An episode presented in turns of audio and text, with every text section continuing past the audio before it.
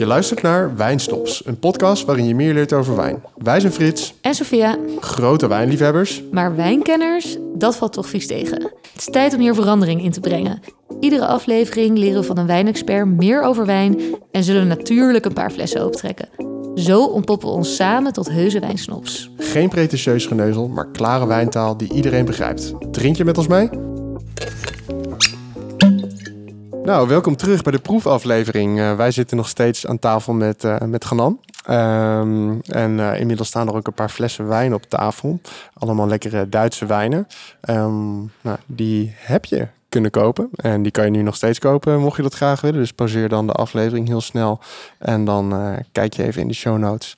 En dan kun je binnenkort met ons meedrinken. Ja, we hebben het dus gehad over Duitse wijnen. Ehm, heb je die aflevering even gemist? Dan zou ik zeker aanraden om de vorige aflevering nog even terug te luisteren. Want daar eh, wordt alles verteld over de kenmerk van de druiven. Nou, welke druiven er in Duitsland eh, populair zijn. En eh, ja, ook vooral over de verschillende soorten bonen. Wat je heel erg kan terugproeven in de druif. Super interessant. Dus luister dat zeker even terug. En dan ben ik nu wel benieuwd of wij dat ook echt erin terug gaan proeven. Dus eh, ja, gewoon wat eh, heb jij op tafel gezet? Nou, wij gaan proeven drie Rieslings. Omdat we het eh, in de eerste aflevering natuurlijk veel hebben gehad over klimaten en over verschillende typen ondergrond. En van, nou, dan gaan we nu ook echt eventjes testen of je dat nou al allemaal kunt ruiken en proeven.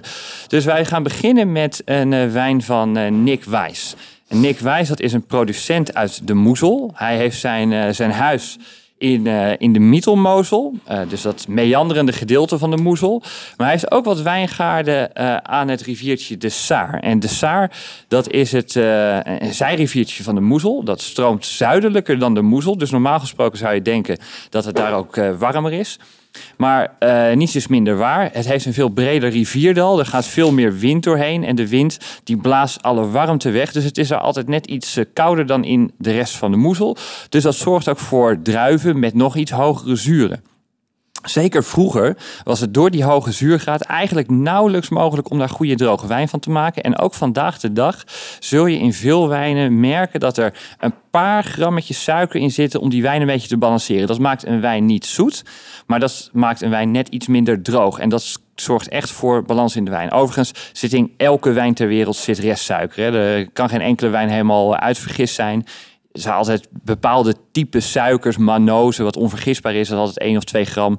Dat, eh, dat zit er sowieso nog wel in per liter. En bij deze wijn is het, eh, is het vaak zo rond de 5 gram suiker per liter. Dus het valt best wel mee. Maar het zorgt ervoor dat er net iets meer plezier in komt te zitten. Ik heb drie Rieslings gekozen uit het jaar 2021. Dus eh, het jaar verschilt niet. Het is puur het klimaat en de bodem wat je gaat ruiken. Dit komt uit het plaatsje Wieltinger. En Wieltinger is een van de beroemdere plaatsjes daar in, eh, in de Saar. Dat heeft allemaal schiefersteillagen, zoals dat in Duitsland zo mooi zeggen. De steile hellingen van, eh, van lijsteen. En dat geeft dus inderdaad een beetje die mineralige smaak. En wat nog wel het leuke is, eh, dit is van Alterebe, oude wijnstokken. En eh, hier staan wijnstokken van meer dan 100 jaar oud. Staan er tussen allemaal wat jongere wijnstokken. Want elke keer als er een doodgaat, planten ze gewoon een nieuwe. Dat is ongebruikelijk. Vaak wordt gewoon zo'n heel. De wijngaard wordt gerooid na een jaar of 35, 45. En hier hebben ze alles laten staan en per wijnstok vervangen. En hij zegt, daardoor krijgt deze wijn echt een complexiteit. die je eigenlijk in, in geen van mijn Rieslings op deze mate aantreft. Omdat je zoveel verschillend soort plantenmateriaal door elkaar heen hebt. Ja, je hebt dus hele oude stokken met misschien wel eentje die afgelopen jaar is geplant. Of nou ja, dat kan misschien niet, maar een paar jaar geleden is geplant, zeg maar. Ja, precies, precies. En dan ook allemaal weer net een andere Riesling kloon. Want je hebt ook van Riesling Oh, heb je heel ja. veel verschillende klonen. Dus dat zorgt voor de complexiteit. Ja, ik Heel moet zeggen, ik heb al even een paar keer aangeroken, maar dit, dit ruikt echt heerlijk zacht. Echt Heel super. eh, heldere wijn, zo. ja, hele mooie. Ik weet niet, het maakt niet zoveel uit, weet ik. Maar het is inderdaad een heel helder eh, wijntje. Geur heeft het natuurlijk bijna iets, iets staligs of zo. Er zit een bepaalde... Het, het ruikt zacht, maar het heeft ook een bepaalde hardheid in de geur voor mij. Er zit iets van, van fruit in rode appel. Dus enerzijds het zure, maar ook wel het zoetje van rode appel. En in die smaak heeft dat, dat die paar gram suiker zorgen ervoor dat er wel zo'n zo'n lichte toon van meloen in zit. Dat is het, het wat zachte gedeelte. En daarachteraan komt echt citroenfruit. Hè? Gewoon goede zuren. Het is kraakhelder. Het is doorslessend. Eh, Het speeksel loopt je nu in de mond. Dat je- Ja, omdat het zoveel zuren heeft. Dus het enige wat je kunt denken is van... Ja, ik wil nog een slok nemen. ja nou. Dat dacht ik inderdaad precies. Nou, het is dat het ochtend is en ik zo nog moet werken. Maar... Anders was de fles opgegaan.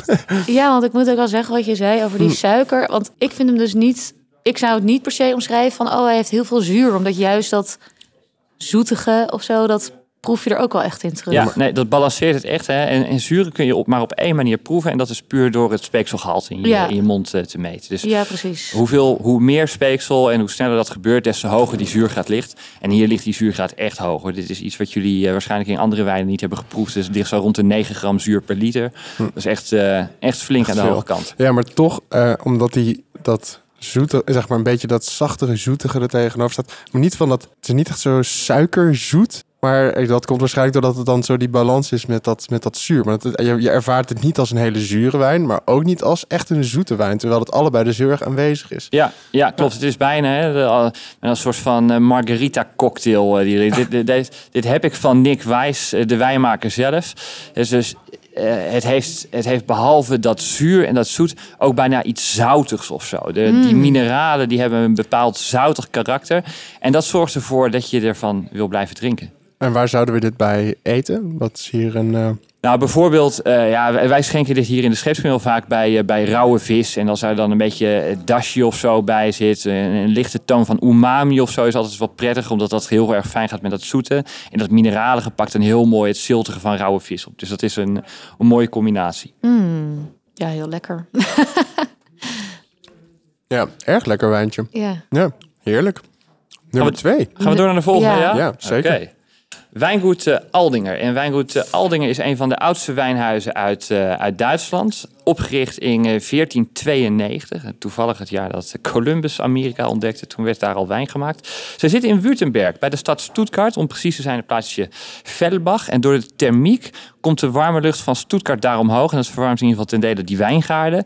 Het zit op eh, een ondergrond van kalkhoudende zandsteen. Maar vooral veel kalkering. En die kalk is heel bepalend voor, eh, voor smaak van de wijn. Want we hebben net eventjes besproken dat mineralen eigenlijk niet eh, oplosbaar zijn in water. En dat het dus ook niet kan worden opgenomen door het wortelsysteem van de plant. Dat geldt niet voor kalk. Kalk is een uh, alkalimetaal. Calciumcarbonaat, CaCO3. En dat calcium dat wordt dus wel opgenomen. En dat komt ook uiteindelijk in je wijn terecht. Dat gaat dan een verbinding aan met het wijnsteenzuur, gewoon met de zuren die in de wijn zitten. Dat vormt hele kleine kristalletjes. De wat grotere kristallen die zinken naar beneden op het moment dat die wijn eventjes gekoeld wordt. Dat doen wijnboeren eigenlijk altijd. Dus dat zijn die tartraten, die wijnkristallen die je ook wel eens op, op een kurk ziet zitten. Dus dat bezinkt, dat halen ze eruit. Maar er blijven ook altijd kleine kristalletjes in die wijn zitten. En dat zorgt ervoor dat wijn van kalksteenbodem altijd iets meer grip heeft. Het is bijna, eh, bijna alsof het een wat ziltige smaak heeft. Dat is puur echt door die kalksteenbodem. Nou, kalksteen is ook gevormd eh, door oude oceaanbodem. Hè. Dat is gewoon oude eh, kreefjes en schelpdieren en algenskeletjes. Die zijn allemaal in miljoenen jaren op elkaar gedwarreld. En dat is in elkaar gepers, geperst tot een kalksteenbodem. Eh, en het grappige is dus ook dat je echt dat ziltige, dus niet direct van die zee, maar eh, toevallig is het wel zo, dat komt dus ook echt terug in je wijn. Dus het is ook echt heel erg de textuur of zo, de structuur van de wijn door die kristalletjes. Eigenlijk die die Absoluut. smaak Absoluut, ja. Er, er zit een beetje zo'n geur in, die je ook wel eens terug, eh, die ook wel eens terugkomt bijvoorbeeld in champagne, volgens mij is dat. Ik kan het, is dat Wat een beetje een soort van, ja, ik kan het niet zo goed duiden. Is dat een beetje een soort van broodachtig bijna? Ja, nee, dat, dat ruik je wel goed. Dat is eh, iets gistigs. ja, dat gistige. Ja, Ja, dat proces heet eh, autolyse. En eh, als je de gisten, de fijne gist, op de wijn laat zitten, dan breekt dat open. En dan geeft dat dus een hele gistige smaak. Het zorgt er ook voor dat de viscositeit iets, eh, iets toeneemt. Dus het wordt iets stropiger van structuur. En het geeft dus dat gistige in het aroma. Dus dat klopt.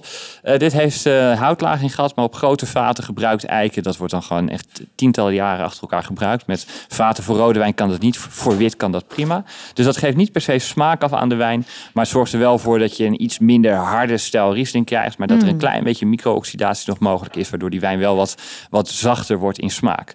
Heel erg lekker. En het heeft ook een beetje dat, eh, nu zeg maar in de, in de afdronk dan, een beetje zo'n eh grapefruit schilletje of zo. Ehm, is dat het? Zeg ik dat goed? Ja, absoluut. Citrusschil of zo? Absoluut. En het is droger dan de vorige wijnen, dat proef je. Ja, Maar het is niet wrangiger, want het heeft ook meer body, het heeft meer kracht. We zitten natuurlijk nu bij Stuttgart, veel zuidelijker. Ook wat warmer dan, eh, dan in de Moezel. Dus dat is denk ik wel eh, wat je terugproeft. En proef je nou dat bijna wat droogtrekkende dat het heeft op het laatst? Ja. En als je dan je, Eindje. ja, en als je dan je, je tong tegen je gehemelte beweegt, dan is het bijna... Hè, eh, bij rode wijn heb je natuurlijk tannines die dat doen. Maar hier is het die ja. ziltigheid. Maar ik proef, ik zou zelf denk ik niet dat ziltige eruit proeven, maar ik zou misschien wel, of tenminste, ik proef wel zeg maar de tannines, ook al zijn het geen tannines, in deze wijn. Dus dat is dan wel die kal, dat kalkige Ja, dat is die structuur. Ja, Die structuur, ja. ja. Erg lekker.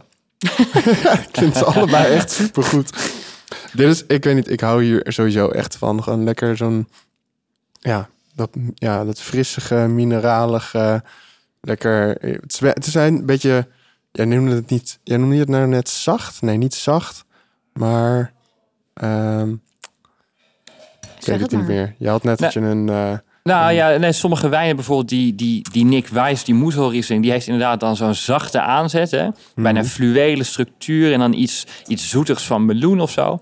En daarachteraan komen dan die zuren. Hè? Dat brengt die wijn in balans. Dat, Mm. dat zorgt ervoor dat die wijn spannend wordt. mooi. Door. ja, ehm Wagner Stempel, echt een van mijn eh, favoriete producenten in, eh, in Duitsland. Ik werk daar al, nou, wat zal het zijn, eh, ruime tien jaar of zo mee. En Wagner Stempel zit in het plaatsje Sieversheim in, eh in Rijnhessen. Dat is het meest westelijke puntje van Rijnhessen.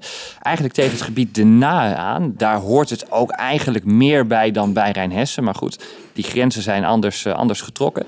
En de bodem daar is porfirisch gesteente. Dat staat ook op het etiket van deze wijn. Porfirisch gesteente, dat is een vulkanisch gesteente. En men denkt vaak bij vulkanisch gesteente dat het een hele rijke bodem heeft. Maar wat uiteindelijk bepalend is of een bodem eh, eh, eh, rijk is aan, nutriënten, dat is de pH-waarde, dus de zuurgraad van de bodem. Dit heeft een ontzettend lage pH-waarde. Het is dus een hele zure bodem. En dat zorgt ervoor dat een hele hoop eh alkalimetalen en stikstof en zo niet opneembaar zijn voor planten. Dus als je daar komt, je ziet echt zo'n harde grens van waar de lusbodem overgaat in dat porfirisch vulkanisch gesteente. Het is van heel allemaal loofbomen en zo die groeien op de lusbodem naar bijna niks heideachtig gebied op dat vulkanische, op die vulkanische bodem. Eikenbomen worden niet hoger dan bosjes, blijven altijd bosjes omdat ze ja, het gewoon heel zwaar hebben. En die wijnstok martel je eigenlijk ook door die daar aan te planten. En die denkt dan natuurlijk, ik wil hier weg. De enige manier om daar weg te kunnen is rijp fruit produceren. Dat kan dan gegeten worden door vogels, door zwijntjes, door herten. En dat die pitjes dan elders worden uitgepoept waar het beter is. Dus het is puur een overlevingsmechanisme. Wauw. Wat zielig. Ja, dus voor de, voor de wijnboer eh, heel fijn en voor ons nu ook. Deze En- wijnboer is professioneel martelaar. Ja, inderdaad. Ja, absoluut, absoluut. En eh, dit komt dan eh, van Grootste Lage Wijngaarden, dus een Grand Cru wijngaarden. Alleen dan is het de tweede selectie. Dus net de wat jongere stokken of eh, binnen die Grand Cru wijngaard het perceel wat ook nog heel mooi is, maar dan net niet goed genoeg voor zijn Grand Cru. Dit is gewoon een wijnboer met ontzettend hoge kwaliteitseisen. Dus hij declassificeert die wijn zelf. Eh, dit komt nu uit 2021, piepjong. Eh, maar dit kan je ook makkelijk nog tien jaar bewaren. Dat is echt, het zijn, zijn leuke wijnen eigenlijk. Ze kosten niet de wereld. En je kunt dat wel wegleggen in je kelder. En hier gaat gewoon een hele hoop gebeuren in de complexiteit van die wijn. Eh, die porfirische bodem, dat zorgt ervoor dus dat je rijpe druiven krijgt. Dus je krijgt veel duidelijker nog dat, dat steenfruit, wat sowieso wel typerend is voor Riesling. Maar hier ga je nog meer die persik en die abrikoos ruiken en proeven. Tegelijkertijd gaat die zuurgraad van de bodem ook weerspiegeld worden in de wijn. Dus het is en rijper en strakker en frisser. Dus een, een wijn van Mm. extreme. Hij heeft ook echt een veel meer, ehm, zeg maar, mondgevoel nadat je hem hebt uitgespuugd. Zeg maar, hij blijft Oeh. langer, wat heftiger aanwezig ook in mijn in mijn mond. Ja. Het is een, eh, Klopt het dat hier, zeg maar, dat petroleum ook wel een beetje in terug te... Nee, Oh. nee, nee, dat klopt niet. Hoe Maar- omschrijf je dat dan, zeg maar, die smaak die je... bedoel je die misschien een soort van... Nee, het heeft wel een bepaalde rokerigheid. En dat rokerige, dat komt ook echt dankzij die bodem. Oké, ja. Dus dat, dat heeft ook met die zwavelverbindingen te maken die, dat, Mhm. eh, die dat Mm. aanmaakt. Nu je dat zegt, inderdaad, heeft hij dat een beetje dat zo'n rokerig iets inderdaad. Ook als je eraan ruikt, misschien zelfs al. Ja, absoluut, absoluut. En voor de rest is het dat rijpe steenfruit. Maar eh, hier is absoluut geen, eh, geen TDN eh, in, Oh ja, in waarneembaar. TDN. Nee, Dus niet dat pet- petroleumachtige aroma. Dan is dat mis- ja, dan is misschien dat rokerige wat, wat zeg maar helemaal in de, de nasmaak eigenlijk die je in je mond krijgt. Beetje bitter. Kan Ja, dat? ja, ja, nee, zeker. Dus Rieslings hebben vaak wel een bittertje. Dus dat, jij omschreef dat net bij een vorige wijn als een beetje grapefruit. Dat, dat hebben wijnen heel vaak. Mm. En dan dat bitter in combinatie met dat zuur en dan dat rijpe steenfruit. Ja, dat, dat maakt die wijn complex. En ook, dus ik merk dat ook nu bij ons. Hè. Eh, je neemt er een slok van en je weet niet precies hoe je die wijn kunt duiden. Wat je allemaal proeft. Je wil nog een slok. Dus dat zijn Ja. complexe wijnen die zichzelf ook niet ineens eh, blootgeven. Nee. En eh, dat maakt, dat onderscheidt echt fantastische wijn van goede wijn, denk ik. Oh ja, Leuk. cool. En waar zou je dit bij, of wat zou je hierbij eten? Nou, dit heeft meer power. Kijk, we zitten natuurlijk, alle drie zitten we wel een beetje in dezelfde hoek. hè? Want ze zijn alle drie Rieslings uit hetzelfde jaar, fris en droog gemaakt. Eh, maar dit heeft veel meer power. Bijvoorbeeld, eh, weet je, tomaat is een, eh, een groente die zich lastig laat combineren. Maar die kruidigheid die tomaat heeft, dat komt ook in, zo, in deze Riesling bijvoorbeeld terug. Dus iets met een, een eh, salade met groene asperge, wat ook zo'n kruidige groente is, met tomaat en dan met deze wijn. Eh, dat, eh, dat pakt het heel goed op. Ja, maar we zitten wel in de frisse hoek van, eh, van de gerechtjes. Ja, Leuk. Lekker. wel weer heel anders ook. echt totaal anders. Ja? Ja, ja. mooi hoe dan, hoe dan eh, eh, ja, drie zelfde druivensoorten totaal uiteen kunnen lopen. En, en eh, zeg maar, waar zit voor jou, is er, is er een soort van element in Riesling wat er echt altijd in zit? Naast zeg maar gewoon het frisse zuur? Of nee, dus het- de- de- dat zuur en een beetje dat steenfruit, dat, eh, dat zit er altijd wel in. En voor de rest kan het, eh, kan het heel erg variëren. Ja. En je kan dus eigenlijk ook niet zeggen van... ik hou niet van Riesling bijvoorbeeld. Of vind Riesling altijd lekker. Want... nee, je kan wel zeggen, ik hou niet van Riesling, eh, want dan hou je niet van hoge zuren. Want Oh, dat heeft ja, het dat is altijd. Het heeft altijd hoge zuren. Ja, Oké. precies. Maar Lekker. verder kan het gewoon enorm verschillen. Ja, leuk. absoluut, absoluut. Ja. Nou, fantastisch. Ja. Ik, eh, ik vond het erg lekker weer. Ja, we moeten maar snel eens terugkomen om... Nou, ik wilde zeggen alle Rieslings van de kaart. Maar ik denk dat we dan nog wel even bezig zijn. Maar nog meer Rieslings hier te komen proberen. Ja, Ja. leuk. Van harte welkom. Ja. Ja, super, eh, super bedankt sowieso voor je, voor je tijd op deze, deze vroege ochtend. Graag gedaan. Dankjewel inderdaad voor je tijd en voor al je kennis. We hebben echt super veel geleerd over Duitse wijnen. En net eh, nou, geweldige flessen Riesling mogen proeven. En eh, alternatief is natuurlijk gewoon lekker langskomen bij eh Ganan en zijn, eh, zijn collega's. En eh, kom genieten, want het is, hier, eh, het is hier weer een mooie plek. En eh, met een mooie wijnkaart, waar denk ik voor iedereen wel wat op moet staan. Absoluut. Zo Super. Precies. Ganan, bedankt voor je tijd. Ja. En, Graag eh, gedaan. Tot snel allemaal. Ja. Yes, goed, thanks. Doeg. Doei. Wil je met ons meeproeven? Dat kan. Kijk in de show notes op Instagram of de website welke wijnen we proeven en waar je deze kunt kopen. Vond je de podcast leuk? Beoordeel ons in je favoriete podcast app. En heb je vrienden die graag de wijnstop uithangen? Tip de podcast. Misschien heb jij ook wel